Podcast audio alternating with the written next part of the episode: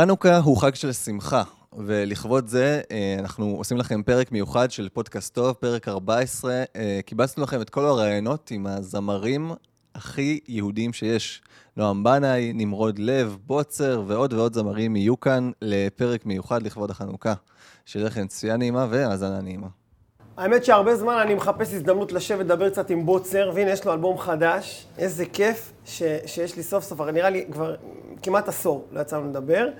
אה, אז יש באמת אלבום חדש, השם שלו אה, הבית. קודם כל בוא תגיד לנו מה, מה מחכה לנו שם, אה, מה, מה פחות או יותר החומרים, באמת, נדבר על המשפחה.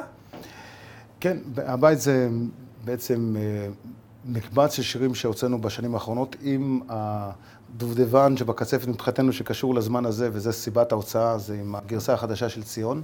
אבל יש באלבום הזה את השיר הבית, שהוא ברוך השם שיר ש... אנחנו שרים אותו הרבה וזוכים לשיר אותו גם בהופעות וגם מאוד מושמע ופרדס רימונים, וזה אלבום כשמו כן הוא, זה פוקוס על לשתף את, ה, את, ה,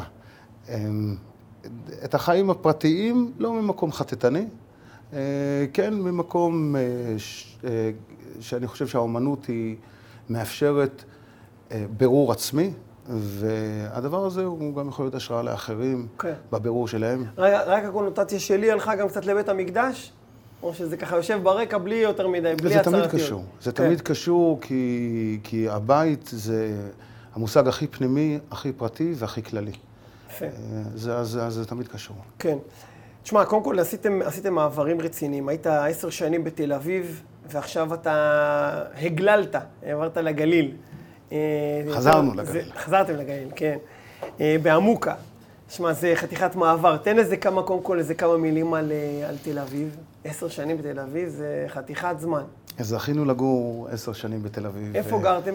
גרנו בנווה צדק. אוקיי.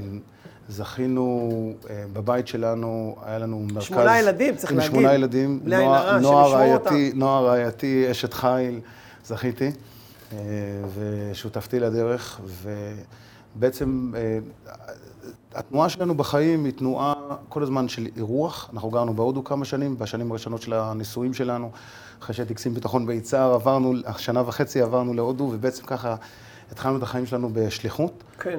ו, וגם עד הקורונה הוצאנו כל הזמן זוגות. היה לנו uh, בעצם כמה מרכזים במהלך השנים. ותל אביב זה היה מבחינתנו התנועה הפרטית שלנו שהמשיכה. זאת אומרת, כל הזמן היה לנו, אה, בכל תחנה בחיים שלנו, גם פעילות אה, חברתית שעשינו. אוקיי. אה, שהיא קשורה, תמיד הפעילות הייתה קשורה ל, ל, לחיבורים בתוך החברה הישראלית. בוא נקרא לזה לכור ההיתוך בין הישראליות והיהדות. זה הרבה דברים שאני מתעסק איתם גם ביצירה שלי וגם. בחיים שלנו. אז בתל אביב גרנו עשר שנים. והיה לנו מרכז תרבותי בבית. אה, אפשר לראות... סליחה, אני רוצה להגיד את זה אחר, אני צריך להציג את זה יותר, יותר מחודד. זאת אומרת, כמו שאתה מוזיקאי ברמ"ח איבריך, אתה ממש, אה, כאילו, יש לך עולם של פעילות חברתית אה, ענף מאוד. הבתים היהודיים, כמו שהזכרת עכשיו בהודו. זאת אומרת, זה ממש ממש סרוג וארוג אחד בשני, החיים של האומנות שלך והחיים של הפעילות החברתית. כאילו, בעצם הבתים היהודיים לפני כמה שנים אנחנו יצאנו לשליחות לפני 18, לפני אפילו יותר, יותר מ-18 שנים, ובעצם עד... איפה הייתם סליחה, יותר, הרבה, הרבה, הרבה יותר. בעצם 17 שנה החזקנו את זה, כן, זה הייתי צריך, כל הזמן בעצם הייתי סביב זה, אבל זה אף פעם לא היה העבודה שלי, אמ, אה, הפורמלית, הפרנסה שלי, אבל כן, זה חלק מה... מה, מהמבנה האישיותי שלי, וזה חלק מהיצירה שלי, ומבחינתי okay. כן. זה, זה שזור אחד בשני. זה הכל... אה, קשור אה, לרצון להשפיע טוב, אה, לשתף ברור שהוא הולך לאנשהו. והדבר הזה הוא גם בדיבור, אבל הוא קודם כל במחשבה, וזה צריך גם להגיע למעשה בחיים, אצל כל אחד ברמה הפרטית שלו, וכל אחד גם עם הדיבור הפרטי שלו.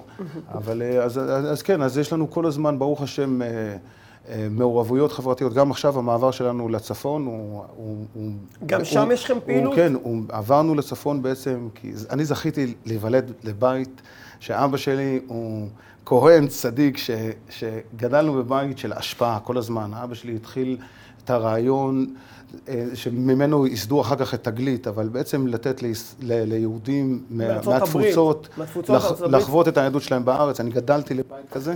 כן. אה, בבית שלנו היו כל הזמן תוכניות, זה כל הזמן היה בתוך החיים שלי. אז זה, אז זה גם התנועה שלי בחיים, ובעצם עכשיו חזרנו לצפון כדי uh, להירתם ביחד גם עם הפרויקט של אבא שלי. ובצפון יש לכם באמת שם דברים שעכשיו כשחזרתם אתם גם... Uh... כן, בוודאי, בוודאי. זה עכשיו נמצא במרכז הפעילות, ובעצם שזה... אה, אני, אני מעורב בזה ברמת מי, התוכן. מי מגיע אליכם באמת? מי, מי, מי בעצם, איזה ציבור מגיע אליכם? כולם, כולם. בצפת... אנשים שבטח... צפת, צפת זה מקום מאוד מאוד תיירותי ושל תיירות רוחנית, okay. אוקיי. וברוך השם בשנים האחרונות היא גם נותנת פוקוס מאוד מקצועי אה, בכל ההיבטים שלה. Okay. אוקיי. ואז גם באומנות ובמוזיקה, שלי זה מדהים. אה, זה מדהים לי עכשיו, דרך אגב, במעבר הזה מתל אביב לצפת, שפתאום חברים שלי שהם מוזיקאים אה, ברמה, הם עושים דברים לאומיים ובינלאומיים, הם מעצמם רוצים לעשות פעילויות בצפת, וזה וואלה. פתאום, לי שגדלתי בצפת, זה תמיד היה נראה לי כזה תיירות אה, צדדית, פתאום אני אומר, רק שנייה, זה, זה, זה מאוד אקסקלוסיבי. זה אופי. מפגשים עם, אה, עם המון אנשים, קהלים גם בינלאומיים, עם מסר, אה, עם מסר מאוד רוחני יהודי, אבל אוניברסלי, כי צפת היא מחוץ לפוליטיקות. יש לה כן. איזה ממד נצחי, אז זה מאוד נוח לי להיות באווירה הזאת. תשמע, יש לך צבע ממש משלך, אתה יודע, כאילו זה, אני מנסה, אתה יודע, איפשהו, אני, אני חוטא בזה בניסיון כל פעם לנסות לשים אותך באיזה קופסה ככה. בוא, ת, תעזור לי קצת, בוא, אתה היא, היא, היא, נראה יצרניק, ובכלל, אתה יודע, אתה בתל אביב, תעזור לי קצת, להכניס אותך לאיזה קופסה. איך אני יכול... אין סיכוי, אה? תראה, בתוך עמי אנוכי יושבת. השם זיכה אותי בדרך חיים, אני יכול להגיד לך, אחרי 21 שנות נשואים ושמונה ילדים, שהשם זיכה אותי בדרך חיים של נדודים. גרנו okay. כן. בהרבה, בהרבה מקומות, וכל תחנה בחיים שלי היא חלק מהאישיות שלי. Mm-hmm. אני מודה לקדוש ברוך הוא שאפשר לי אה, לראות את הגוונים של החברה הישראלית מבפנים, בכל כך הרבה גוונים, ברור שלא את הכל, okay. אה, כן. אבל כל כך הרבה גוונים מבפנים, ואני חושב שאני חלק מכל התחנות. אמ, ואני, ואני עוד, לא, עוד לא עצרתי, כי אנחנו עוד לא בגאולה. כן. אז, אז הלוואי, הלוואי ואני אוכל להגיד לך שאני בהגדרה הסופית שלי. אז, אמ, אז, אני, אז אני, אני בדרך להגדרה הסופית שלי. אם זה מתיישר לך עם קופסה, כן. אז אני לא יודע, אז תגדיר אותי כבן אדם בדרך. שמע, בוא, בוא נעבור, אני חושב שזה מעבר חשוב להגיע לציון. זה באמת אה, לא שיר, אה, אני חושב שהוא באמת, כמו שגררנו מקודם, אה, דובדבן. בואו קודם כל ניתן את הגרסה החדשה, קלאסית, לא יודע איך לקרוא לזה, אבל יש פה המון המון כלי כן. נגינה. מאוד מאוד מאוד קלאסית, כן. קלאסית, יפהפייה. בואו ניתן ממנה ואז נדבר קצת על השיר הזה ואיך הוא השפיע. כשאני שר לך שלא אשכחך,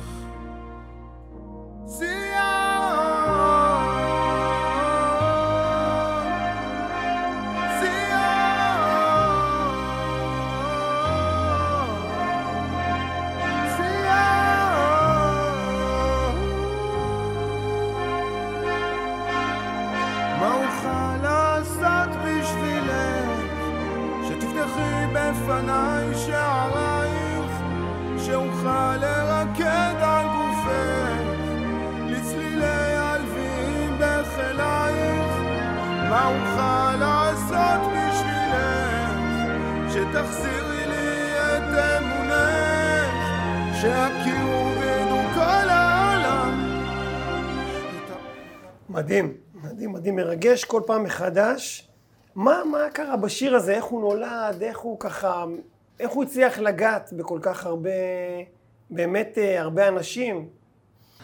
אבל עם השיר הזה הרגשתי שזה מתנה מהרב אה, מרדכי אליהו. ממש הרגשתי את זה, ואז לא התעסקתי עם מוזיקה. זאת אומרת, הייתי כותב שירים, הם היו אצלי, אבל השיר הזה היה לי איזה, קודם כל סמן של רק שנייה, תיקח ברצינות את המתנה שהשם נותן לך. זה לא רק לך, זה לא רק לחיים הפרטיים שלך.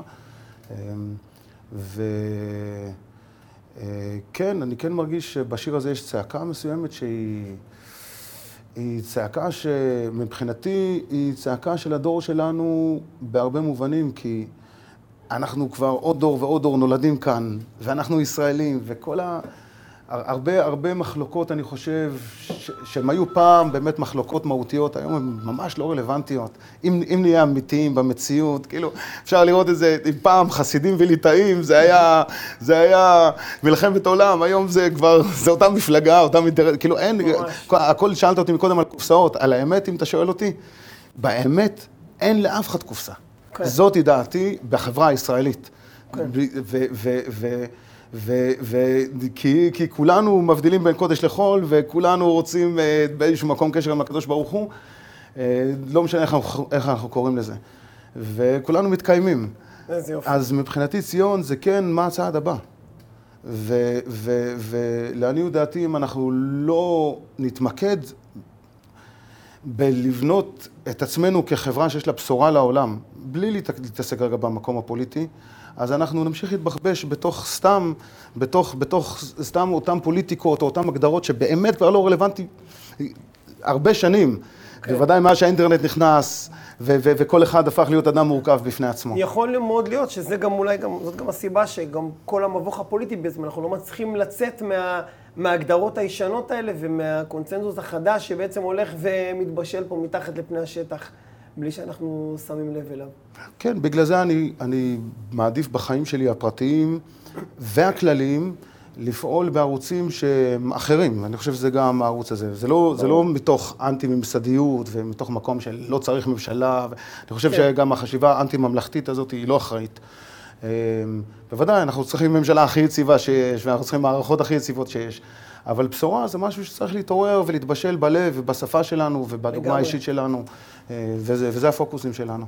מה שלומך, נועם? ספר לי קצת מה אתה עושה בימים אלו, ומה אתה עובד. ברוך השם, הכל נהדר, אה, הרבה הופעות.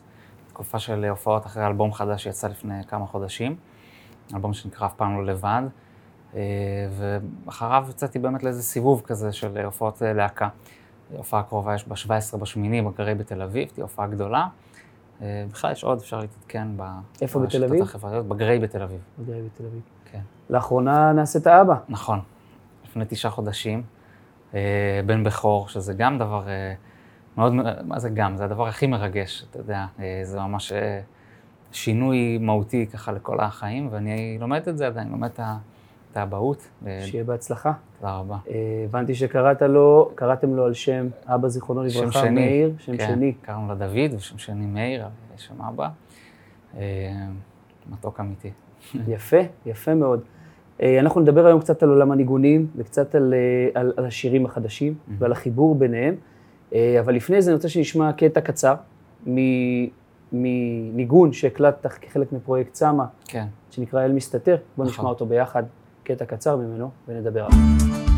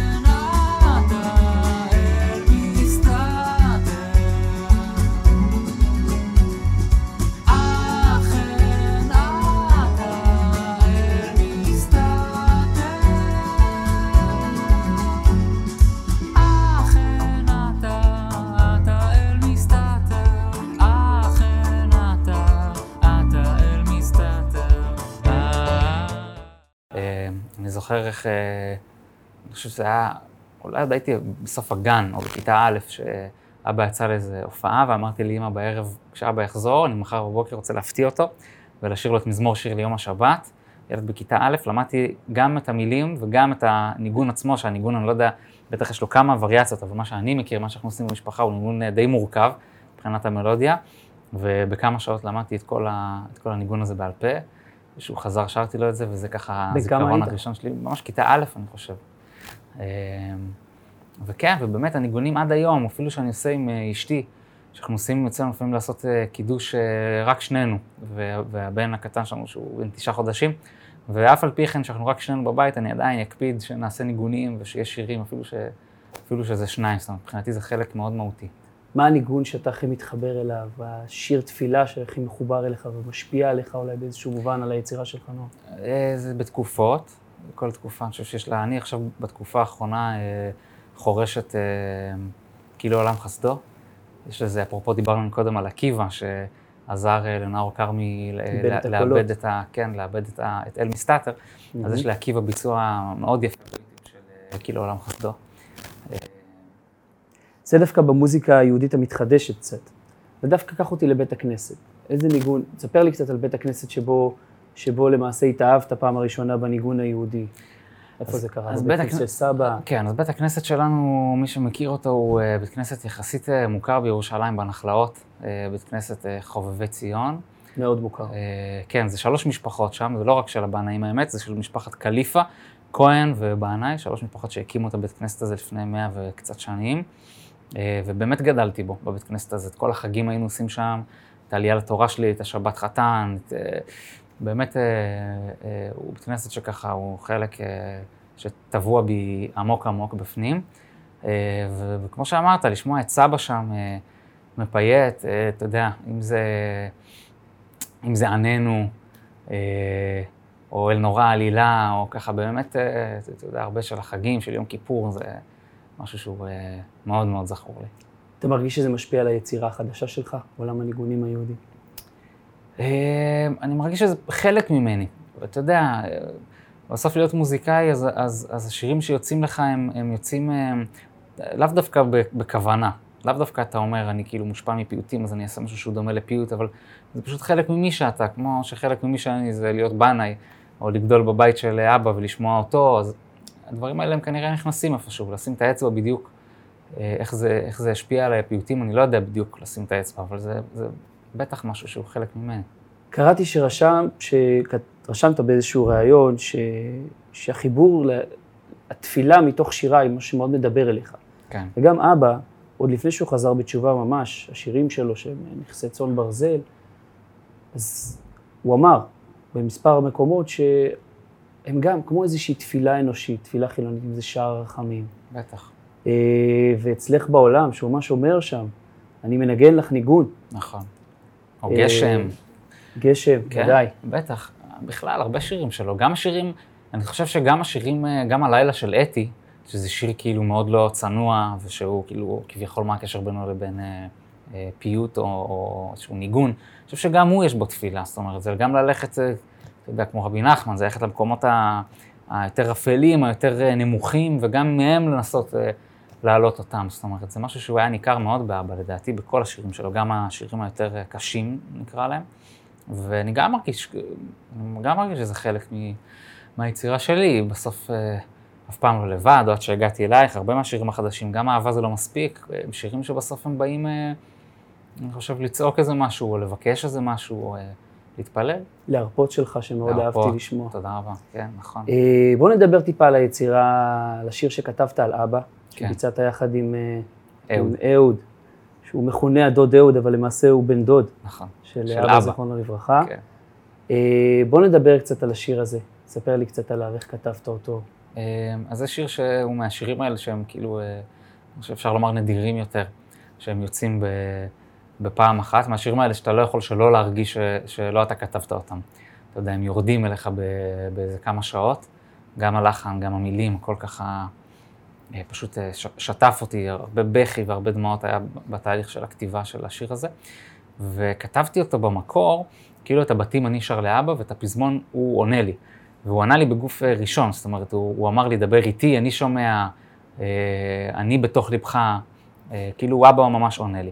ויום למח... לא אחרי שכתבתי את השיר הזה, ישר חשבתי שאני רוצה שאהוד ישיר את זה איתי, והסיבה שחשבתי שאהוד יכול להתאים לזה, ולאו דווקא נגיד אביתר או יובל, יש לנו ברוך השם הרבה זמרים במשפחה שהיו יכולים אה, לקחת את התפקיד הזה בשיר הזה, וחשבתי שזה יהיה יפה שאהוד יעשה את זה, כי יש לשיר, לאהוד שיר שנקרא אה, יוצא לאור. יוצא לאור. והוא אומר שם בפזמון, אה, מלאכי ציפורים מעליך מלווים את צעדיך. זה למעשה קטע שאבא עושה קולות שם, הוא נכון, שר את הקולות. נכון, נכון, נכון, נכון. וישר חשבתי על זה. יצא לי אחרי שאבא נפטר אה, לעלות בהופעה של אהוד ולשיר את זה איתו ביחד, את יוצא לאור, ולעשות לו קולות. אה, ואז השיר הזה, אמרתי, אף פעם לא לבד, זה קצת כמו מלאכי ציפורים מעליך, זה הרגיש לי ככה מאותו עולם, מאותה שפה, ואמרתי, זה יכול להיות סגירת מעגל יפה שעכשיו אהוד ישיר, ולא אמרתי לו שאני רוצה שהוא ישיר, אמרתי לו, כתבתי שיר על אבא, אני רוצה להשמיע לך. אה, הוא אמר לי, וואי, אני אשמח מאוד, והוא התרגש, ובאתי אליו הביתה עם הגיטרה, ושרתי לו, והוא ככה ממש התרגש. אמרתי לו, אני רוצה שתשיר את זה. ואז הוא אמר לי, אבל אתה יודע, אתה שר בפזמון בגוף ראשון, כאילו אבא מדבר איתך. עכשיו, גם ככה משפחת בנאי לא יודעים מי זה הבן דוד ומי זה האחיין. עוד אתה רוצה להקשות עליהם שעכשיו אני אשיר כאילו אני אבא שלך, אתה תגמור אותם. בוא נשנה את זה, שכאילו אני אשאיר לך מגוף שלישי. כאילו אני מדבר אל נועם, ואני אומר לך, אבא שלך שומע אותך. דבר איתו, הוא שומע, הוא מאיר בתוך ליבך, וכן הלאה. ובאמת זה מה שעשיתי, פשוט שיניתי, זה היה ממש לשנות כמה מילים בפזמון. דבר איתו, הוא שומע, במקום דבר איתי, אני שומע. בדיוק, זה היה כמה כאלה, זה מה שהיה. למעשה רציתי להתייחס לעוד נקודה אחת לפני שנשמע את השיר היפה הזה. אה, בטח שמעת כל מיני אנשים שמפרשים את השיר בצורה כזו או אחרת, בטח. שבעצם מפרשים אולי שיחה שאבא אומר לך, דבר עם הקדוש ברוך הוא. נכון. דבר איתו, הוא שומע. נכון. לך, בטח. יש אנשים שפירשו את זה בצורה כזאת? בטח, הרבה. הרבה. גם אני, גם אני בעצמי פירשתי את זה ככה. אתה יודע, הרבה פעמים אתה כותב שיר באיזה רגע מסוים, אבל אחר כך עובר חודש או שנה, ואתה שומע את השיר, אה, אם להרפות, זה גם קרה לי אגב, שכתבתי אותו מאיזה מקום מסוים, וגם פה אתה אף פעם לא לבד, ועובר זמן ואתה שומע אותו, וגם אתה הופך להיות קצת מאזין של השיר הזה, ואתה מקבל פתאום אה, זוויות אחרות, אז אני אה, מאוד מסכים ומתחבר לפרשנות הזאת, כן. טוב, נועם, נשמע את השיר. אותו. אתה אף פעם לא לבד, ביצעת אותו גם בכוכב נולד. נכון, כוכב הבא. כוכב הבא, כן. שהפך לכוכב נולד, והחלטת לפרוש משם נכון. וללכת בדרך שלך. נכון. ספר לי קצת, למה בעצם עשית את זה? אה, האמת היא שזה סיפור מאוד ארוך, אבל אם אני צריך לתמצת אותו, אז אני חושב שהרגע שאמרתי אני לא אמשיך בתוכנית, אה, זה היה אחרי שהתייעצתי עם הרב שלי, שהוא אה, בן דוד של אבא, אגב, קוראים לו איתמר אלדר. הוא לא מהבנאים, הוא מהצד היותר מוצלח של המשפחה, של האלדרים. של השופטים וה... אה, לא, בשופטים זה גם הבנאים, אבל הוא אפילו עוד יותר מוצלח, הוא האלדר. בן אדם אה, מדהים. היום, בערב אני הולך לשיעור אצלו, אני כל שבוע לומד אה, אצלו. איפה, באיזה עיר הוא היה גר שנים ברמת הגולן, והוא לאחרונה בקורונה עבר לתל אביב. יש לו ישיבה בדרום תל אביב, וכל שבוע אני לומד עם איזה חבורה אצלו. אחד מהשיעורים שאני לומד במהלך השבוע. ובשיחה איתו, עם איתמר, שאני מתייעץ איתו על המון דברים, ממש הוא הרב שלי, אה, התייעצתי איתו על העניין הזה, ובשיחה איתו הבנתי שזה לא, לא שווה לי, לא משנה כמה חשיפה או, או לייקים, או אני לא יודע מה זה, זה ייתן, זה לא שווה לי את זה. אה, גם אבא שלך קצת ברח מהחשיפה, נכון? כן, אני דווקא... מה... בעניין הזה. הוא, כי... הוא מאוד ברח מהחשיפה הבאה, אני דווקא לא בורח מהחשיפה, אין לי בעיה עם חשיפה. אמ, אבא נגיד גם מאוד לא אהב שהיו ניגשים אליו ברחוב, זה היה מטריד אותו. אני דווקא כאילו, אני, זאת אומרת, אני אוהב אנשים, ומבחינתי שייגשו, זה, זה, זה בסדר. אה, אבל בכוכב הבא זה הרגיש לי ממקום קצת אחר, זאת אומרת, לא שהחשיפה הרתיעה אותי, פשוט אמרתי, היא לא, שו, היא לא שווה לי את המחיר הנפשי ש, שהתוכנית הזאת היא לוקחת. אה, וזה לוקח איזשהו מחיר. טוב, אז שיהיה המון בהצלחה בדרכך עם האמת שלך, ובואו נשמע את השיר היפהפה. יאללה. אף פעם לא לבד. בבקשה. אני זוכר עוד את ריח הבשמים בגינה, בערב יום שישי בית כנסת וחולצה לבנה. אני זוכר סיפור קבוע ליד השולחן, איך צחקנו צחוק פרוע, לא הרגשנו את הזמן. אתה אף פעם לא לבד, דבר איתו, הוא שומע. גם בלי לומר אף מילה, גם כשהשמש תשקע, הוא מאיר בתוך לבך. אתה אף פעם לא לבד, קשה לראות,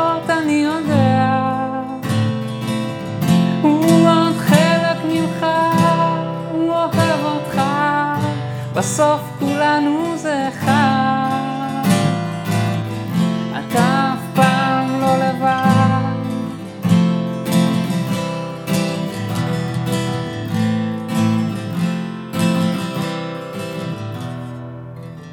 עברו כבר די הרבה ימים שלא חלמתי אותך, ולפעמים אני פוחד שהתרחקתי ממך.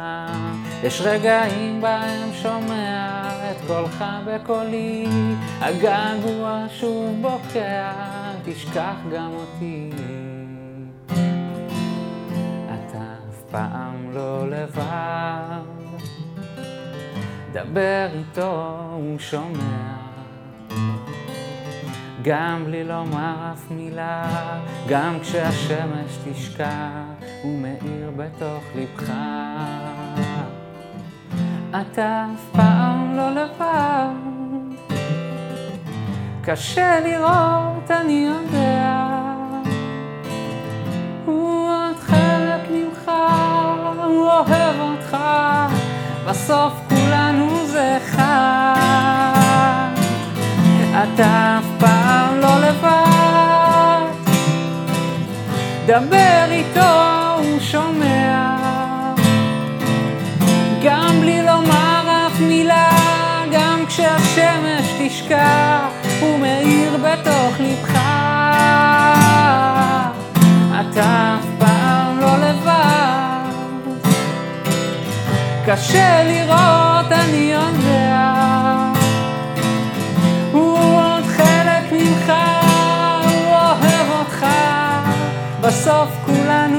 אחד.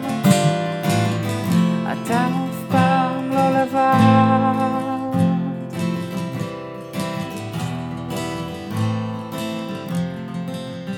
אתה אף פעם לא לבד. נועם בנאי, תודה רבה שבאת. אלינו לאתר טוב. תודה רבה. בהצלחה. תודה רבה. יותם מלר הוא זמר, פסנתרן, יוצר, יש לו גם שיר חדש מגניב לגמרי וגם סיפור חיים מדהים. אה, אז הנה הוא איתנו, אהלן יותם. שלום, שלום. אה, לפני שאנחנו נתחיל לדבר, קודם כל ניתן למוזיקה לדבר, נראה קצת טעימה מהקליפ והשיר המגניב שלך, בכבוד. בכבוד. אם תרצה להתקדם, תתקשר לשם.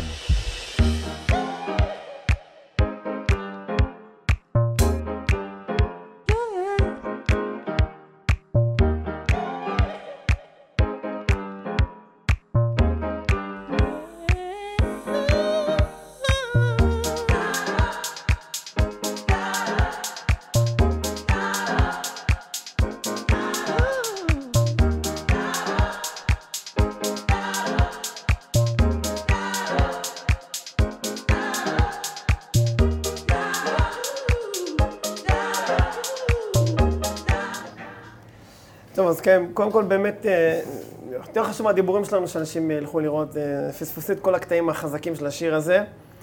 אה, מוזיקת האוז, אתה בכלל פסנתרן, איך כל העסק הזה התחיל? בואו נתחיל רגע לפני המוזיקה. איך אה, אה, היית בכלל קיבוצניק ממעיין ברוך, אה, חזרת בתשובה? מאיפה הסיפור הזה, הסיפור שלך מתחיל? וואו. Uh, הסיפור שלי הוא סיפור uh, של פורים. ממש התחיל בפורים. Uh, קרתה לי איזו הזדמנות שפגשתי אדם שבא לעשות מוזיקה, מישהו מהשומרון, עם פאות עצומות, בכובע הפוך, וראיתי אותו ואמרתי לו, אני רוצה להיראות כמוך. וואלה. ככה הכל התחיל. הוא מוזיקאי שאנחנו מכירים? Uh, יכול להיות. אתה משאיר אותו כן. בינתיים, בסדר. ראיתי אותו, אמרתי לו, אני רוצה להיראות כמוך. לא יודע, נכנס לי לראש שאני צריך לעשות פאות. יום אחרי פורים, הלכתי לספר ועשיתי פאות. ככה זה התחיל, זאת אומרת, לפני. התהליך של חזרה בתשובה, אתה מתחיל קודם. כל עם הפאות. הלכתי, עשיתי פאות, חזק. והחיצוני פשוט השתלט עליי. הלכתי בתל אביב עם אה, חלקה, כאילו אפס ארוכ, כאילו יחסית ארוכות. אה, ואיזה כובע מסוים, ופשוט אה, העולם התנהג אליי בצורה כל כך מדהימה ועדינה, ושהתחלתי... בגלל השינוי החיצוני. בגלל השיעור, השינוי החיצוני, שהתחלתי לשאול את עצמי, האם כל החיים שלי לא חייתי את החיים שאני צריך. בן כמה אתה בשלב הזה? 30, 30, 31, 30. ובעצם ה... החיצוני התחיל לחלחל פנימה. ברמה של אה, הייתי מנגן בשבתות בתור מוזיקאי, ופשוט אמרתי, אני מתפטר, מתפטר מכל העבודות. ו... זאת אומרת, אתה עוד, לא- עוד לא מתחיל איזה שלב של אה, לימוד או העמקה, אתה אומר, לא. משהו מתחיל לקרות בך בעקבות השינוי החיצוני הזה. משהו פשוט בעט אותי החוצה, רק בגלל הפאות. אוקיי. עברו הרבה מים מאז, אבל uh, הלכתי ללמוד, הייתי בראש יהודי, הייתי קצת במעלה, זה... בישיבת כן. מעלה אליהו, בחברותות, uh, וזהו. וואלה. זה הסיפור. עכשיו, אוקיי, ומה, בוא, בוא, בוא נלך למוזיקה. נו. אה, בעצם במקור, המוזיקה שלך הרבה יותר, לא יודע אם לקרוא לזה קלאסית, אבל אה, בעיקר עשית עד לשיר הזה, מוזיקה הרבה יותר עם אה, פסנתר. אה, נכון, אני, אני בא מעולם הפסנתר, גם למדתי קלאסי. אה, תמיד עשיתי דברים אה, מופרעים, אה, אבל כאילו עכשיו סוף סוף החלטתי שאני עושה, מאז שחזרתי בתשובה מוזיקה עמוקה ורצינית עם שירים באמת מאוד מיוחדים, שאני עובד עליהם תקופה ארוכה. אז uh, יש כזה שתי אישיות. שתי אישיות. כן. יש להם שמות? לא. זה... יש, איזה, יש איזה חלוקה. כן. נשמור את זה. כן, יש, את, יש לו שם שני שקוראים לו הלל. נכון. נשאיר את זה, אולי נמשיך אחרי זה אם נרצה ניגע בזה. אולי. אוקיי, ובעצם, אז אתה, אז, אז בעצם, באיזשהו שלב, גם בחזרה בתשובה שלך, אה, הרגשת קצת חנוק, או לא יודע איך לקרוא, לא יודע אם נכון, להגדיר את זה נכון. נכון, בעצם ובעצם באתי... מפה פורץ גם השיר הזה, שהוא בעצם נכון, בעצם באתי כאילו מעולם הכי הכי הכי, של הכי ליברלי בעולם. אבא שלי הוא מדנמרק. מי שיודע מה זה דנמרק, צריך לדעת כמה זה מקום פתוח. והייתי בבוהמה התל אביבית מאלף עד מאה, כאילו הכי רחוק שאפשר לדמיין. אה,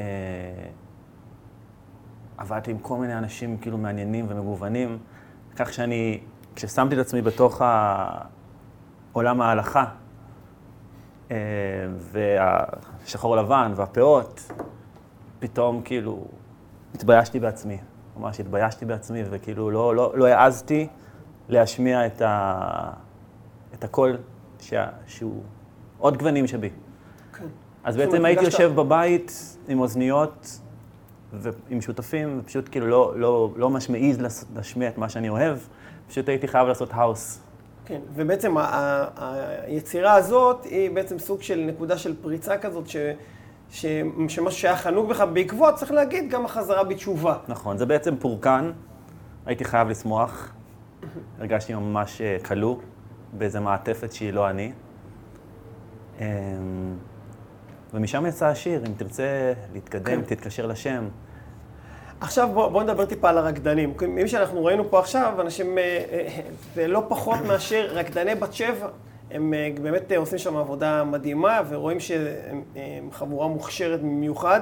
ואז אתה מספר לי שזה לא פחות מבת שבע. איך, איך מגיעים אליך, אתה, עם כל הכבוד, עוד לא אומן מוכר, בעזרת נכון, השם, אני מקווה, נאחל נכון. לך שתצליח, אבל איך אה, נוצר כזה חיבור אה, ברמה גבוהה? שמע, זו השגחה מטורפת, באמת. אה, תמיד היה לי חיבור לעולם הריקוד, גם הייתי סטודנט באקדמיה למוזיקה, עשיתי מוזיקה למחול. אתה רוקד בעצמך? לא, לא, אני לא רוקד, בכלל לא. אז חיבור היה לי לעולם המחול, ויצא מקרה, אין לי מושג איך, אני מלמד פסנתר, אני לא מפרסם את עצמי, תמיד מגיעים אליי תלמידים, והגיעה אליי תלמידה שהיא... אשתו, בת זוג של אה, אוהד נהרין, אה, מלהקת בת שבע, שהוא המנהל, ואנחנו חברים מאוד מאוד טובים, היא יפנית. היא יפנית? היא יפנית. לא, היא לא יהודייה. כן, כן אוקיי. כן, היא יפנית. אוקיי. ואנחנו חברים מאוד טובים, ואני גם קצת נראה אסיאתי, לא יודע אם זה קשור. כן, היה חיבור. היה חיבור. והוא נותן, הוא מקצה לך חמישה רקדנים. והיא וסתם שלחתי, כאילו, בוא נעשה משהו יצירתי. אתה יודע, אנשים יצירתיים אוהבים לעשות דברים יצירתיים, לא חושבים על כן. כסף. כן. ופשוט זרקתי, בוא נעשה משהו עם השיר הזה. אה, ראיתי באינסטגרם של ה... את הרקדנים האלו, אמרתי, אותם אני רוצה. ו... באמת, הכל השגחה, לא עשיתי כלום. תשמע, קודם כל הם נראים שהם נהנים, זאת אומרת, הם, הם צועקים שם כל הזמן, אם תרצה להתקרב, אה, תתקרב לשם, תתקשר לשם, והם משתפים פעולה. נכון. אה, מה, מה קורה שם בדינמיקה ביניהם? קודם כל סיפרתי להם את הסיפור שלי. אמ, והיה להם כיף להיות חלק מזה. כן. ממש זה היה, רוב הקליפ הוא אלתור, פשוט הם באמת מוכשרים. זה ממש לא נראה אלתור. זה אלתור, כאילו, היה, היה לנו היה חזרה של שעה. אז מדהים. זה פשוט אומר שאנשים מוכשרים לא צריכים הרבה. כן. אוקיי, ואז אתה אומר באינטראקציה ביניהם עבד טוב, כי באמת יש תוצאה. אתה אומר, תוך שעה עשיתם את העבודה. שעה חזרה, שעה חזרה, שלוש שעות צילומים. והאמת היא שהצילומים זה היה מאוד מעניין, כי אני הרגשתי שאני צריך ללכת ממש על... אה, על... בין שני עולמות, זאת האמת, בין שני עולמות. מצד אחד בא לי כאילו להיות מופרע, כן. ובא לי שהם יתפרעו. מצד שני, אני יודע שזו מוזיקה שהיא כן קשורה לרוחניות. כן. אז אם תרצה להתקדם, תתקשר לשם, יכול להיות להתקשר מחיבור, ויכול להיות להתקשר מתפילין. אז מאוד התלבטתי עם הבמאית כן. מה לעשות, כי אני הרגשתי שיכול להיות מאוד מגניב פשוט להביא תפילין. כן. אבל זה והיה לא לי, נכנס היה לי בסוף. תפילין בתיק, ו- וכל הזמן התלבטתי להוציא את זה, לא להוציא את זה. כן. כאילו, זה קצת חב"ד. וכדי שאנשים אינטליגנטים יבינו את השיר, הם לא צריכים לראות את, ה, את הדבר עצמו. הרבה יותר עמוק כשאדם מבין מעצמו את הדבר, כן. מאשר שאני מאכיל אותו בכפית. אני לא רוצה שנפספס את הסוף של הסיפור, שאתה רוצה ככה בכל זאת להבין מה עם, עם אה, הסבא שלך, בוא תן לנו ככה, הרב, ישראל, הרב יעקב מאיר, שהיום, היום היורצייט שלו. נכון. אז זה סיפור מעניין, כי סבא רבא רבא. זה בעצם אני נכד של נינה. כן. הראשון לציון, הראשון לציון, שכיהן יחד עם הרב קוק, הנה יש נכון. לנו פה תמונה שלו. הרב יעקב מאיר, הוא בעצם אה, ירושלמי, נולד בירושלים ונפטר בירושלים, אנחנו משפחה עשר דורות אה, ירושלמית, הוא היה תלמיד בישיבת המקובלים בית אל, אה, והוא היה אדם ענק, לא מכירים אותו. אה, הוא היה מאוד קשור ל, ל, ל, ל, לציונות ולתחיית השפה, לאליעזר בן יהודה, ועוד המון דברים, תקראו, כן. תחפשו. בכל פעם, מה שקרה זה שאני תמיד ידעתי שאני קרוב משפחה שלו, וידעתי שהם גרים, ב... שהם גרו באיזה רחוב בירושלים, ואמרתי, היורצייט שלו זה מחר, ואני חייב להבין איפה הוא התפלל, ואיפה התפילין שלו. כאילו, אין לנו שום, שום זכר ממנו. אז עשיתי טלפון ל... מתי זה קורה? אתמול, אתמול זה קורה. שלשום. אוקיי. וואלה. שלשום. עשיתי טלפון למדריך טיולים שראיתי באינטרנט שהוא קשור לאיזה בית כנסת, והוא אה, אמר לי שהגבאי של הבית כנסת נפטר, אבל הוא ייתן לי טלפון של גבאי אחר. התקשרתי לגבאי, אמרתי לו, אני מחפש איך להגיע לבית כנסת ההוא. אז הוא אמר לי, אין לך צורך, כי הספר תורה שהוא הכניס אצלנו. נפלת בדיוק על הבן אדם. וזה 100 מטר מהבית שלי, לא. בנחלאות. ואז אתה, מגיע ו... אז הלכתי וראיתי את הספר כן. תורה, מדהים. ומה שמצחיק, שכתוב על הספר, שהספר הוא בהשאלה מהמשפחה לבית כנסת, והמשפחה רשאית לקחת אותו כשהיא תרצה. אז שלחתי לאימא שלי את זה, ואז אימא שלי שואלת, מי המשפחה שמשאילה? אמרתי לה, אנחנו! וואו, לא יאמן. היא לא, היא לא קלטה את זה. טוב, שמע, התגובות, של ה- התגובות שאתה מקבל על השיר הזה מעורבות, זאת אומרת, בעיקר אני חושב שהחבר'ה מהעולם הדתי, קצת, אם אני מבין נכון, פחות אה, התחברו, ו- כן. ו- ודווקא החברים מה- מהעולם האחר, כן. אה, אם תרצה להתקרב, תתקשר לשם, אהבו, מאוד, אהבו מאוד. מאוד. דווקא חזק. התגובות מהציבור החילוני הן מאוד חזקות, אה, והקהל הדתי לא יודע לאכול את זה. לא יודע לאכול את זה, בסדר? וואלה, אני שמח. כן, חזק. נמצא איתנו היום מנחם שוקרון, זמר יוצר, בן להורים שחזרו בתשובה, גדל על ניגודי חב"ד, קרליבך, פיוטים מרוקאים, ומוזיקת עולם מודרנית כמו בלוז, רוק, ג'אז ומייקל ג'קסון. שלום מנחם, ברוך הבא היי. לאולפן שלנו, תוכנית ניגון ושיר, ברוכים הנמצאים, איזה זכות. זכות. שלנו גם כן, מה שלומך? ברוך השם. ברוך ספר לי השם. קצת מה אתה עושה בימים אלו, על מה אתה עובד מוזיקלית. וואו. אה, אז אנחנו עובדים כעת על, ה... על המשך של האלבום. ממש לאחרונה הוצאנו את הסינגל השלישי. עם ככה, עם קצב מדבק, ובטוח שעוד נראה סינגל אותו. שלישי שנקרא בדרך, בדרך אליי. אליי, שאנחנו גם נשמע קטע ממנו, כן. יותר מאוחר. אה,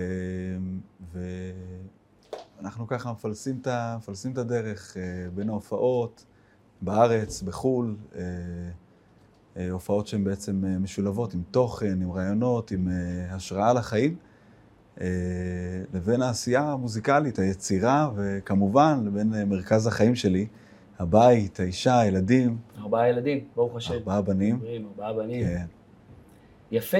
אני שמעתי את המוזיקה שלך, מאוד מאוד נהניתי. אני חושב שאתה מביא איזושהי בשורה חדשה. שמעתי את בדרך אליי, ואני שומע שם...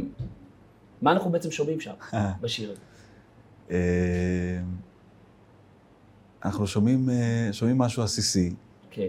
ומדבק, משהו שצריך אה, צריך כבר לקרות בעולם היהודי. אנחנו, אני אישית מנסה כמה שיותר לדבר בשפה, בשפה עכשווית, בשפה שנדבקת לאוזן העכשווית, בת דורנו. אה, וכמובן לא לאבד את האלמנטים השורשיים והיסודיים שעליהם אנחנו אה, אה, גדלים, וזה היסוד שלנו, של, של מה שמאפיין אותנו כיהודים.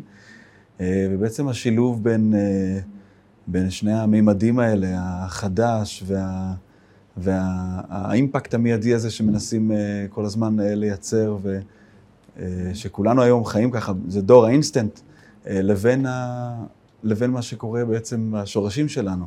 שהם עתיקים, וכולנו פה בני אלפי שנים, כן?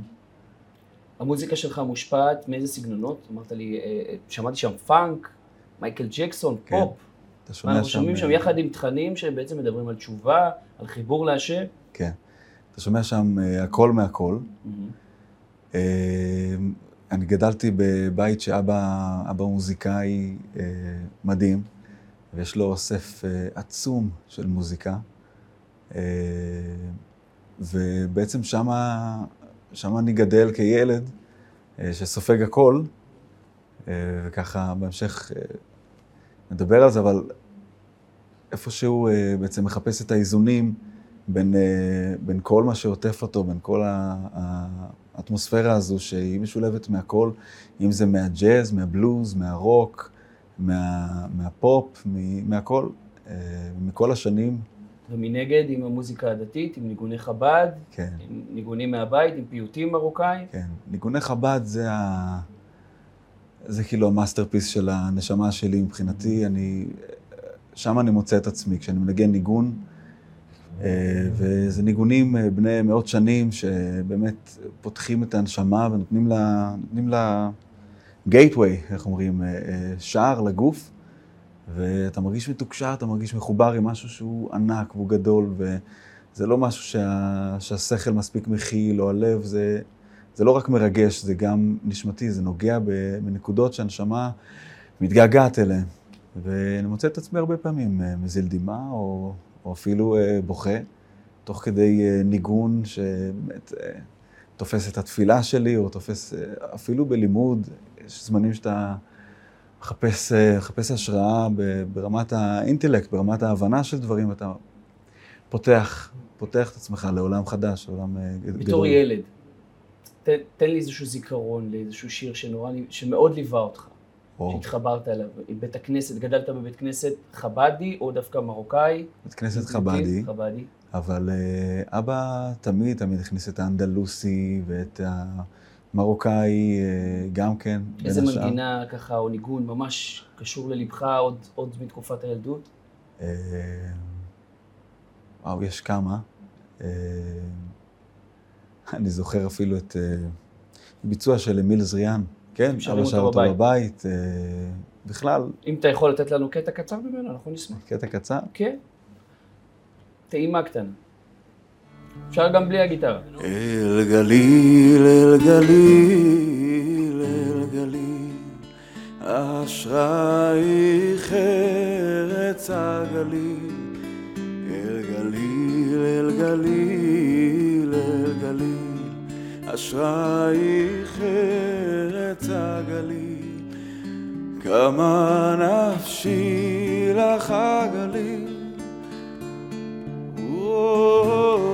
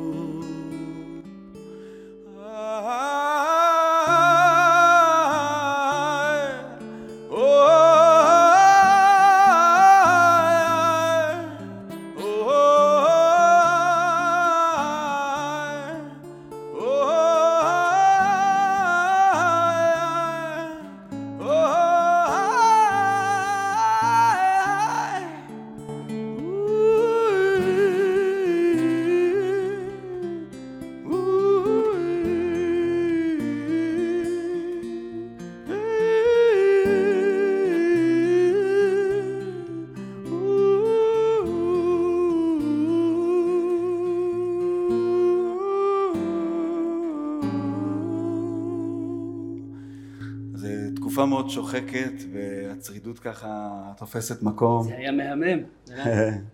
תודה, תודה, תודה. אה, בעצם אנחנו אה, נדבר, בוא נדבר קצת על השיר החדש שלך, שנשמע אותו. כן. אה, זה נקרא בדרך אליי, על מה הוא בעצם מדבר? בדרך אליי, בעצם כל אחד מאיתנו עובר כל יום איזשהו תהליך, ולדעתי התהליך הזה, גם, גם בהשקפה החסידית, התהליך מגיע מבחוץ לבפנים, ולא הפוך. אנחנו כל הזמן מחפשים את עצמנו, מחפשים לעצמנו מקום בחוץ. אנחנו עושים לייקים בחוץ, אנחנו מחפשים את המיקומים שלנו, ובאמת, אה, איך אומר שלמה המלך, גם את העולם נתן בליבם. הכל נמצא אצלנו בפנים, והדרך אל עצמנו, היא בעצם השליחות שלנו פה בעולם, כשבן אדם מוצא את עצמו, את הכישורים, את היכולות שלו ואת המתנות שהשם נתן לו, ואיתם הוא עובד, ו- ואותם הוא מפעיל החוצה ומפרגן ו- אותם החוצה לאחרים, אה, אז הוא מוצא את השליחות שלו. איך הרבי אומר, במקום שבו הצורך וה... והכישרון נפגשים, שם השליחות של בן אדם. מסכים איתך לגמרי, מסכים עם הרבי בנושא הזה. אנחנו נשמע את השיר שלך שכתבת, שנקרא שובי, בביצוע שלך כאן באולפן, שגם הוא למעשה מדבר על חזרה אל עצמנו במובן מסוים, כן. חזרה של עם ישראל למקום שלו, איזשהו שיר, שיר תשובה כן, השיר מודרני. הזה, השיר הזה בעצם טעון במין קונפליקט אה, שקורה בין עם ישראל לקדוש ברוך הוא, אה, כשמצד אחד אה, הקדוש ברוך הוא מבקש מעם ישראל לשוב אליו, שובי, שובי אליי, ואחר כך ואשובה אלייך, ומצד שני, עם ישראל מבקש מהקדוש ברוך הוא, השיבנו אליך, ואז נשובה. ובעצם אה, השיר הזה מדבר את הקונפליקט הזה, ובסופו של דבר לא נעלתי דלתות, ואנחנו מחכים שהוא יפתח, אה, ובאמת הכל ניתן אה, אצלנו, והכל מתחיל מאיתנו, ודמה למעלה, כמו שאומר הרב לוי יצחק מברדיצ'ו, הוא אומר דמה למעלה ממך. כל מה שקורה למעלה, הכל מתחיל בך. אז אם אנחנו מבקשים מהשם שהוא יפתח לנו ראשון, אנחנו מגיעים לחודש אלול, אז, אה, אז ככה זה יהיה בעזרת השם. בוא נשמע את השיר הזה. זה שיר שאתה כתבת, מילים ולחן שלך. כן.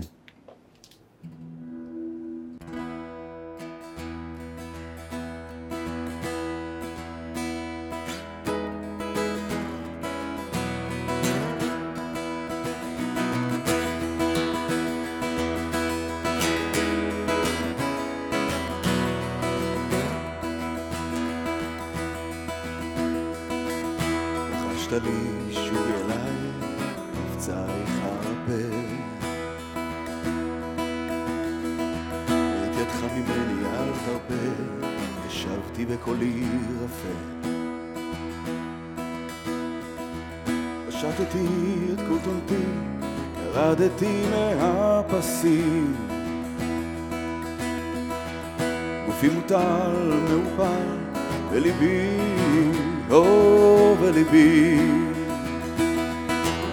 את כאבי חבקי נא, יונה תמר. כצירי לידה הם לך, אותות נחמה.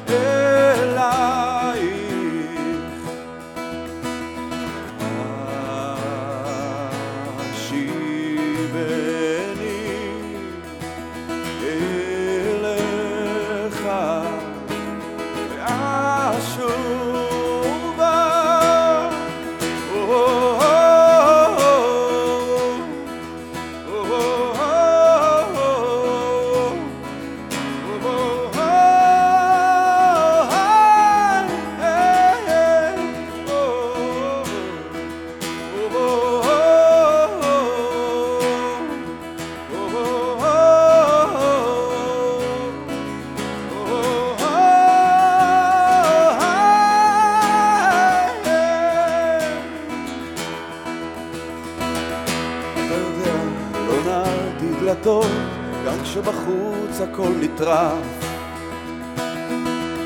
בוא תעורר אהבה כשאתה כאן, כל הכאב שבי נשטף.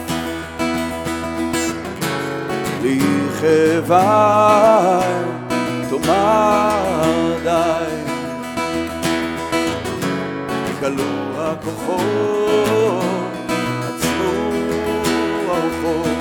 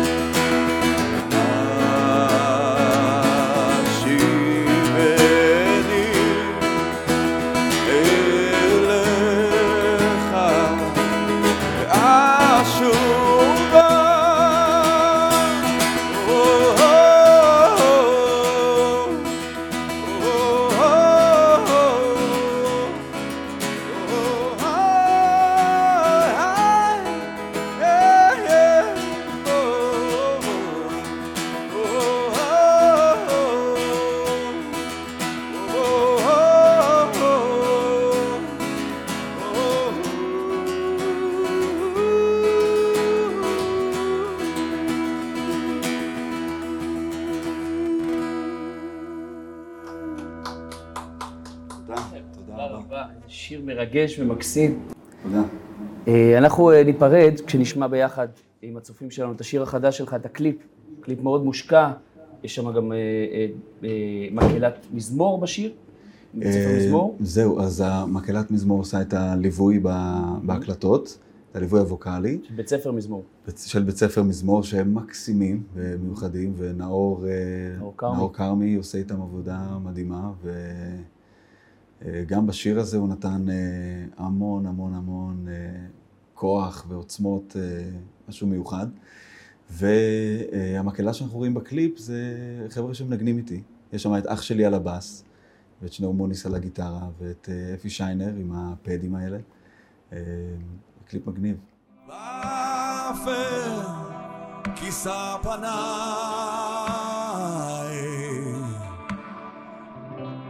אם אפתח לו פתח כחוד סיכה לכל האור שבבקע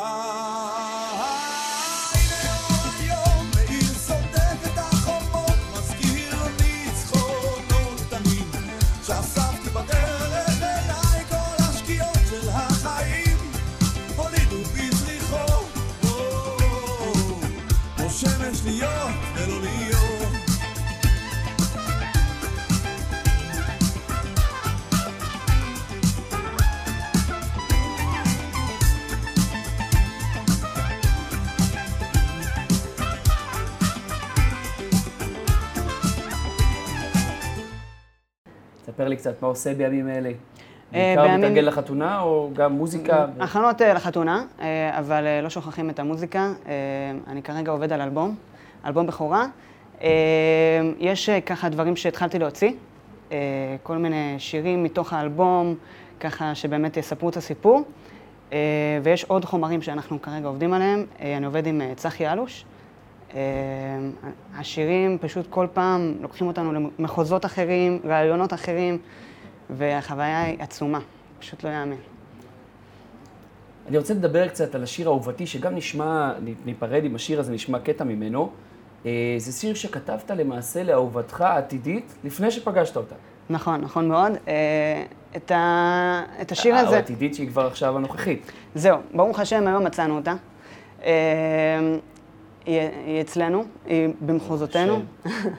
אה, אבל אה, זה לא, זה לא בא בקלות, וזה אחרי חיפושים רבים אה, והרבה מאוד תפילות. ש...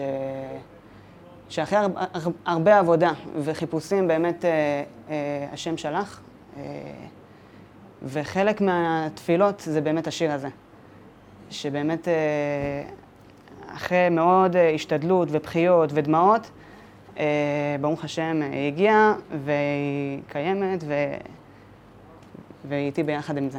ברוך השם, הבנתי שהיא ראתה, זה שיר שהוצאת אותו כסינגל, ועשו כתבה, כתבה במעריב. כן, כן, עשו כתבה והיא במעריב. ראתה את זה עוד לפני שהיא פגשה אותך. היא ראתה את הכתבה, הבינה שיש איזשהו זמר שמחפש... כן, היא ראתה את הכתבה. אה, היא... ואז יצאה לנו תקשורת, ממש במקרה. אה, ואז, אה, טוב, אני כאילו, אני, היה לי משהו אחד בראש, שעליו אני מת, מתמקד, מתעסק בו ביום-יום, שאני מחפש אה, את הבנייה של הבית. אה, והיא אה, ראתה את זה. ואני, במקום, אתה יודע, לחזר ודברים כאלה, אני ישר פניתי, אה, מה את עושה בעוד חמש שנים? אה, ולא מה את עושה היום בערב, אלא יש כיוון, יש כיוון, אין כיוון, אין כיוון. והיא נהנתה בחיוב, אז אמרתי לה, אנחנו יכולים להתקדם. ופשוט ככה, במקום, כמו עסקה שחותמים, הכי רציני שיש. מהמם. והיא זיהתה אותך מהשיר, מאותו שיר אהובתי, שמעת עליו, ואז היא עשתה את החיבור, שהיא, היי, ראיתי את הזמר הזה שכתב, כן, כן. שכתב עליי שיר. אולי זה נכתב עליי, בדיוק. מהמם, כן. מהמם. בוא ספר לי קצת, מה, מה, מה השפיע עליה, על המוזיקה שלך, אה, מבחינת הניגונים, מבית אבא? אז ככה, אה, אני גדלתי בשכונה קטנה ברמת השרון, אה, שכונת מורשה. שם העברתי באמת אה, את כל, אה, את כל ילדותי. גם חיים משה הזמר, חיים משה. ח- חיים משה גר כמה בתים לידי. גדלתי עליו. כן, מי לא גדל עליו. ובתוך השכונה הקטנה הזאת גרה גם סבתא שלי, וככה כמה בני דודים של אבא, ושכונה תימנית של פעם, אותנטית, עם אותם ניגונים של פעם, ועדיין עם אותה אה, מסורת אה, ששמרו עליה באמת אה, בקפידה רבה. ואני גדלתי בין כל האנשים האלה, בתוך כל החברה הזאת, אה, בתוך בית כנסת קטן. אבא שלי היה לוקח אותי ביום כיפור, היה לוקח אותי בראש השנה, באמת הייתי שומע את כל הסלסולים התימניים, בית כנסת שמי. אה, ובאמת, אה, זה מה שבאמת... מי שלא יודע, יש את השמי ואת הבלאדי. אני, אני מהבלאדי מגיע, אה. זה קצת שונה, אבל יש דמיון. יש דמיון, יש דמיון, אה, לא, אני פעם אחת אה, העלו אותי בבית כנסת בלאדי, שליח ציבור, אני לא הבנתי כלום. אני, כאילו עליתי בסין, ממש ככה. אה, ובתוך הדבר הזה אני גדלתי. אה, זה מה שינקתי בעצם, וזה מה שבאמת אה, בסוף יצר אצלי את הפן הרוחני. אה, ובאמת אה, משם שאבתי את המקורות הראשונים. שבסוף, אתה יודע, למדתי ברימון, למדתי בכל מיני מקומות אחרי זה, עשיתי ג'אז ובלוז והרבה דברים, שהרגשתי כל הזמן שאני מתנתק מעצמי קצת, ואיפשהו אני מנסה להיות משהו שאני לא. אה, וגם אה, ברימון, מהר מאוד כאילו הבנתי כאילו לאן אני צריך ללכת. נכון שמלמדים שם הרבה מאוד דברים מדהימים, ובאמת התפתחתי שם, שלוש שנים זה לא בא ברגל, אה, אבל תמיד שמרתי על מי שאני בתוך כל הדבר הזה. אה, תמיד הכנסתי בתוך כל הבלוז, הכנסתי את הסלסולים התימניים, הכנסתי את, ה, את הדברים שאני יודע באמת לעשות, מה, ש, מה שבעצם מאפיין את השירה שלי. אתה אה, מרגיש שהשירה שלך מתחברת עם תפילה במובן מסוים? השירה שלי היא תפילה. היא לא משהו אחר, היא לא כמו, היא לא ליד, זה תפילה. אני לא יכול לנתק את שני הדברים, זה בא לי ביחד. על מה אתה כותב למעשה? אני? אני כותב על חיסרון, על הרבה חסרונות. מה שחסר לי, אני מנסה באמת אה, לבקש מהשם. אני, מה, יש לי משהו שמנחה אותי כל חיי, שזה תפילה והשתדלות. אין לי משהו אחר לעשות מעבר לזה. אה, אם אני מנסה לעשות השתדלות ולהתפלל על זה, מבחינתי כיסיתי את המקסימום שאני יכול להקדיש עבור, אה, עבור משהו כדי להשיג אותו. וככה באמת עשיתי כשהתפללתי על אישה, וככה עשיתי כשהתפללתי אה, לפרנסה, וככה שבאמת אה, היה איזה עניין אה, משפחתי שהייתי צריך להתפלל עבורו, אה, אז התפללתי וברוך השם זה קרה.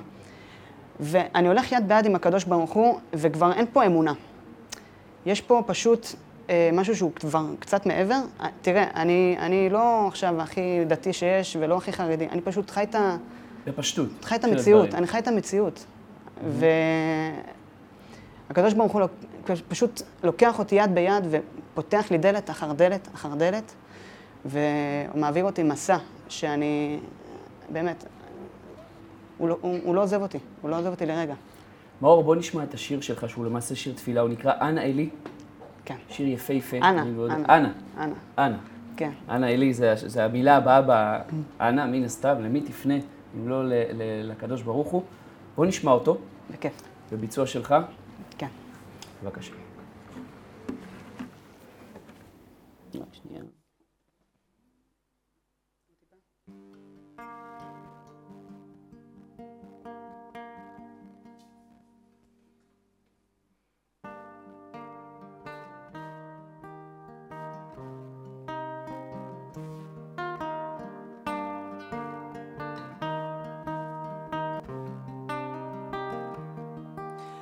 הכפירים נתנו שאגתם, בדיוק כשהשמיים נפתחו, ראי השפע זורם כמו מעיין, זורם כמו מים גם, שרק התפללו, והארי מאבד לאט כוחות, בדיוק כשהשמיים נפתחו, היה גאה ולא היה מוכן לקחת מן הטוב שירד בזמן.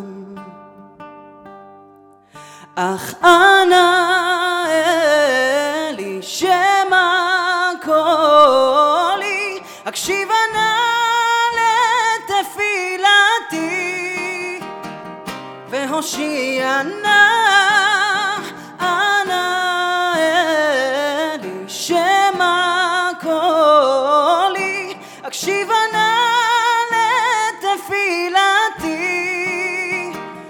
והושיע נא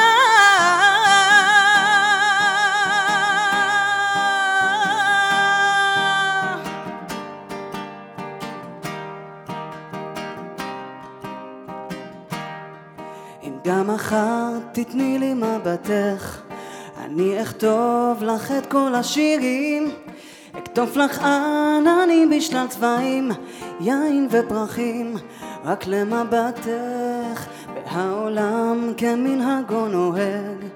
אם יבשה ושמיים נאספו, מי ייתן ומי ימצא דבר, יבוא ישפוך ליבו לפני בורא עולם. אך אנא אלי שמע קולי, הקשיבה נא והושיע נא אנא אלי שמע קולי, הקשיבה נא לתפילתי. והושיע נא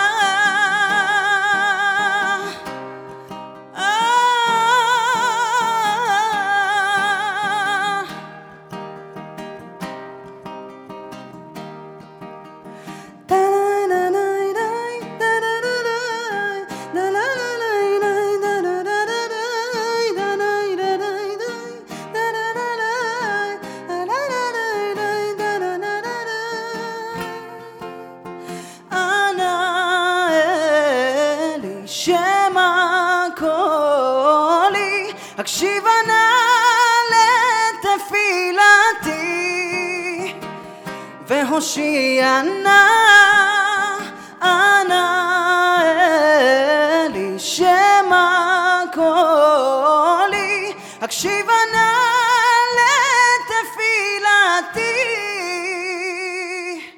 והושיע נא.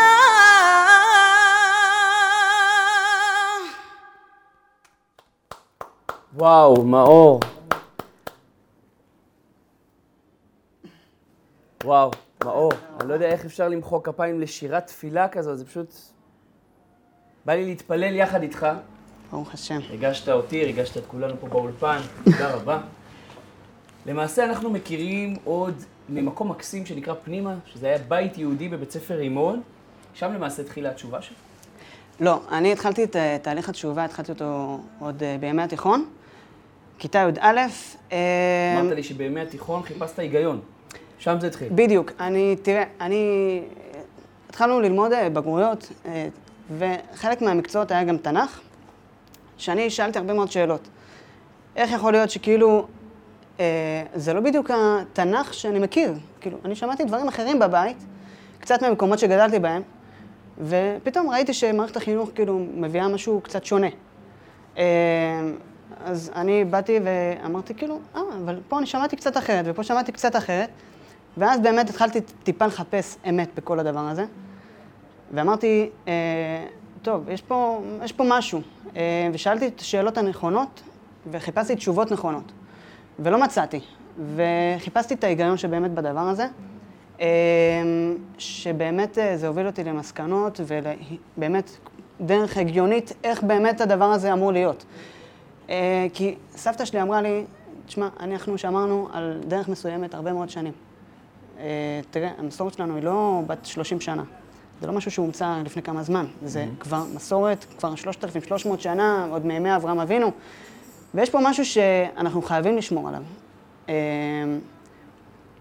ואני, כשהתחלתי באמת אה, טיפה ככה, באמת לשאול את השאלות ולהתקדם בדרך שלי, ראיתי באמת שאני מקבל על עצמי קבלות. אם זה להניח תפילין ולשמור שבת, והתיכון שלי לא קיבל את זה. לא קיבל את זה בצורה... והמוזיקה הייתה למעשה איזשהו משהו שמשך אותך חזרה לשורש? המוזיקה שלי אה, התחילה, האמת שזה התחיל די במקביל. האמת שזה מעניין שאתה שואל את זה פתאום. זה באמת התחיל במקביל. אה, חזרה למוזיקה וחזרה לשורשים. אני התחלתי לשיר, פשוט התחלתי התחלת לשיר. לשיר והתפילה גם יצאה וחזרה לשורש. אתה יודע, זה, זה קטע שאתה שואל את זה, פתאום זה- אני באמת אה, חוזר זו אחורה. האמת, אני קטונתי, אני שואב ממנה גם. אז, אז אה, באמת אה, התחלתי, אה, באמת, התחלתי פשוט לשיר. אני זוכר בדיוק באותו גיל 17, 16, 17, ממש התחלתי כאילו ממש לשמור שבת, להניח תפילין, ופתאום הגיעה שירה משום מקום. לא הייתי בכלל שומע מוזיקה. לא, לא יודע מאיפה זה הגיע, האמת. ובאמת, פתאום התחיל איזה אה, התעלות רוחנית כזאת אצלי, שהתיכון התיכון לא הבין מה קורה לי. אה, הציונים לא, לא באמת אה, השתנו, אה, אבל כן לקחו אותי לשיחות, וחשבו שמשהו לא בסדר. שבסך הכל אני דווקא גיליתי את עצמי, גיליתי דרך חדשה ונפלאה, הרגשתי שאני אמרת, פורח. היועצת בתיכון ברמת כן, השרון, כן. חשבה שמשהו לא בסדר עם הילד. כן, חשבו למעשה, ש... למעשה, ברוך השם, הכל בסדר. ממש, ו- ואין יותר בסדר ממה שאני היום, אני מרגיש בקרקע הכי יציבה שיש. אה, אני, ברוך השם, מרגיש שהשם ש- יכול לספק לי כל מה שאני רוצה. באמת, אני חי באמונה כזאת.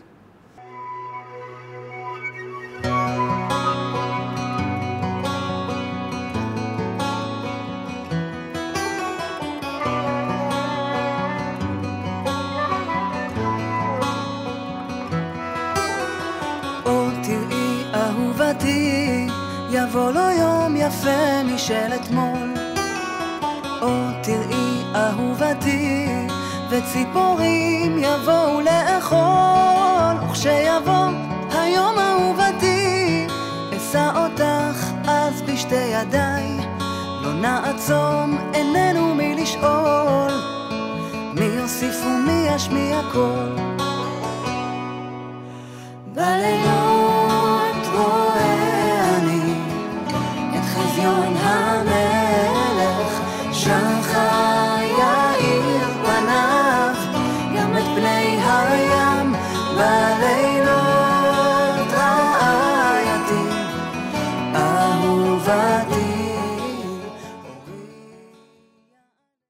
איתנו האומן והיוצר נמרוד לב, שהוא כבר כמה שנים מוכר כמי שמדבר יהדות, מדבר על ערכים יהודיים וציוניים. לאחרונה העלה קליפ חדש, יודוך עמים. נמרוד. יודוך עמים אלוהים, יודוך עמים כולם, ישמחו ויעננו לאומים, כי תשפוט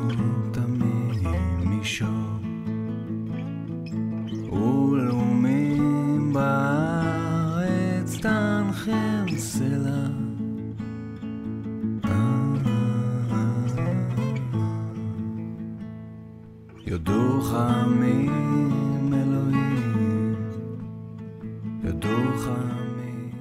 נמרוד, קודם כל קליפ מדהים. תתחדש. בוא תספר לנו עליו. לא, הוא, לא, הוא, הוא, הוא, כבר, הוא כבר בן שנתיים, אבל זה, אתה יודע, זה באמת חדשה גדולה, ככה להיות מסוגל אה, להלחין את... אה, למנצח בנגינות בצורת המנורה, אפרופו המנורה שמאחוריך, מי, מי, שמ, מי שמכיר את, המזמור יודע שבעצם הוא, הוא בנוי בצורת בצורת המנורה מנורה. שהייתה ב, בבית המקדש, כן. אז אה, יודוך העמים, זה זכות גדולה לה- להלחין את מילותיו של אה, דוד. הצילומים אה, היפים האלה, דרך אגב, זה אשתי אה, מצלמת. עשינו ככה חיבור יפה. אני יכול לספר לך קצת על, על, על השיר, ומשם אני אלך.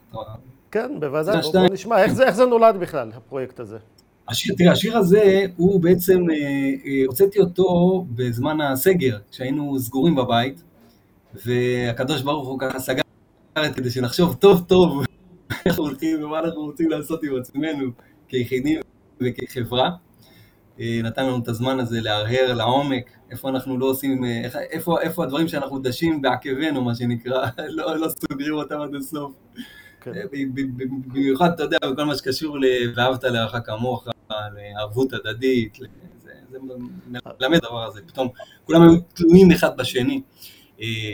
מעבר לימין ושמאל, נדבר... נמרוד, אני, אני אשאל רגע, אתה לא תמיד היית אומן שמוכר עם החומרים האלה, אתה בעצם התחלת מעולם אחר לגמרי, לחלוטין. אתה יודע, אני בא מרחוק. אתה בא מרחוק. אנחנו, אתה יודע, אני, המשפחה שלי, המשפחה שלי מייסדי גן שמואל, אם אתה מכיר, קיבוץ גן שמואל. בהחלט, בהחלט. רחוק, רחוק. אתה יודע, אנחנו באים באמת ממשפחה שלי, אתה יודע, הקשר שלה ליהדות הוא... קלוש אם לא קיים, קידוש ראיתי פעם ראשונה בגילים, אה, שמאל אה, ככה מאוד אה, מאוד גאה בעצמו. דרך אגב, השמאל של אז היה מאוד שונה מהשמאל, שלא אני התרחקתי מאיתנו, לצערי, השמאל אז לא היה פוסט-ציוני, והוא לא היה אנטי-יהודי. אני זוכר מהילדות שלי, מכל פעם שהגענו לקיבוץ, היה שם ציטוטים מספר הספרים, תבחר ספר, כל הספר, כל הספרים שאתה רוצה, מהרמב"ם. כל הספרים שיש מאחוריך בעצם היום.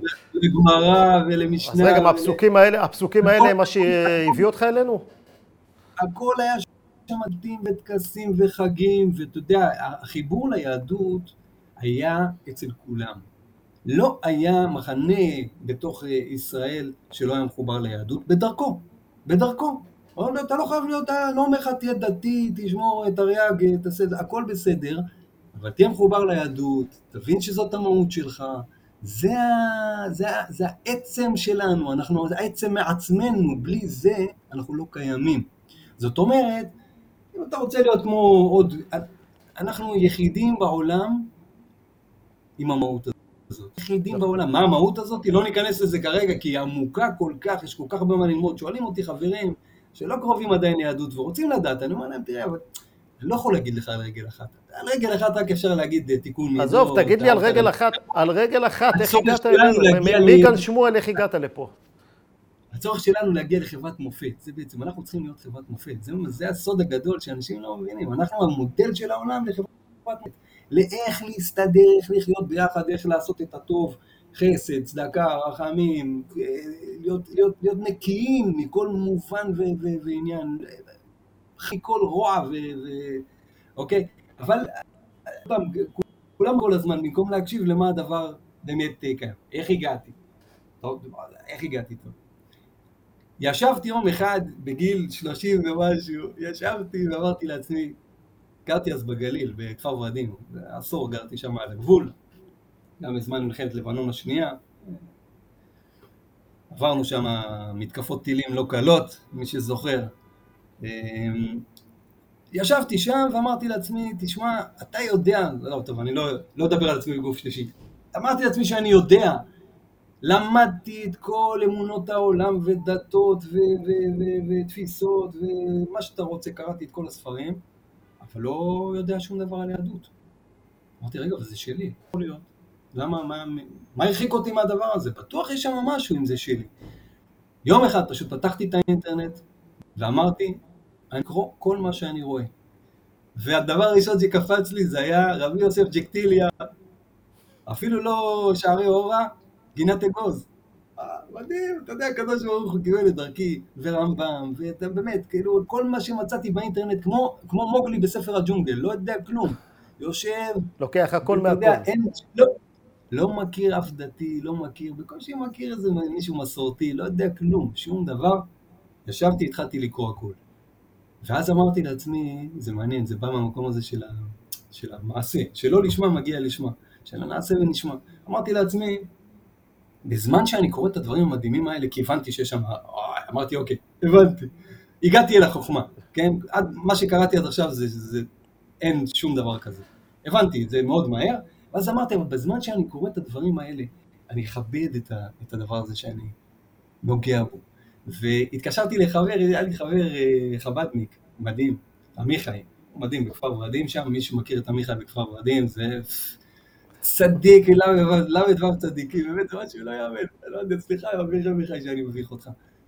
אמרתי לו, תגיד, מה צריך בשביל לעשות את הפרקטיקה? מה צריך? תן לי את ה kit, אני צריך kit.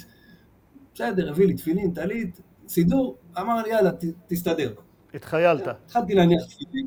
התחלתי להניח, התחלתי להניח תפילין, לא ממקום של אמונה, לא ממקום של שום דבר. אמרתי, אני קורא, אני לומד, אני מניח תפילין. זה הכל. מניח תפילין כל יום, שם את זה על הגוף, ופתאום החומר והרוח הופכים אחד, ואתה מרגיש את הדבר הזה, ומי שלא לא מכיר את הדבר הזה, הוא לא יכול להבין איך זה עובד. זה פלא. פתאום כל החוכמה והתובנה נכנסת לך לגוף, לאיברים. במקום הזה שזה יושב עליך פה, הרי בקופסאות, בקופסאות התפילין, התפילה, יש בעצם את ה... את ה את פסוקים מהתורה ושמות השם, ו... אז הדבר הזה פשוט גורם לך... מה? פרשיות התפילין. הפרשיות של התפילין. ואז, כן, ואז בעצם מה שקרה זה שהרגשתי את כל כולי בתוך הדבר הזה, ואז אמרתי, טוב, אני גם חייב לשמור שבת. עכשיו, מה הייתה השבת הראשונה שעשיתי? לא עשיתי כלום. זו הייתה שבת. ישבתי, לא עשיתי כלום, למה פחדתי לעשות משהו שאני לא אתן. לא מועיל, לא מזיק. חשבתי שהשבת זה... כן, חשבתי שהשבת... תאמר לי, נמרוד, אני אקח אותך קצת קדימה, אני אקח אותך... נמרוד. שיעשה, כן? אני אקח אותך קצת קדימה.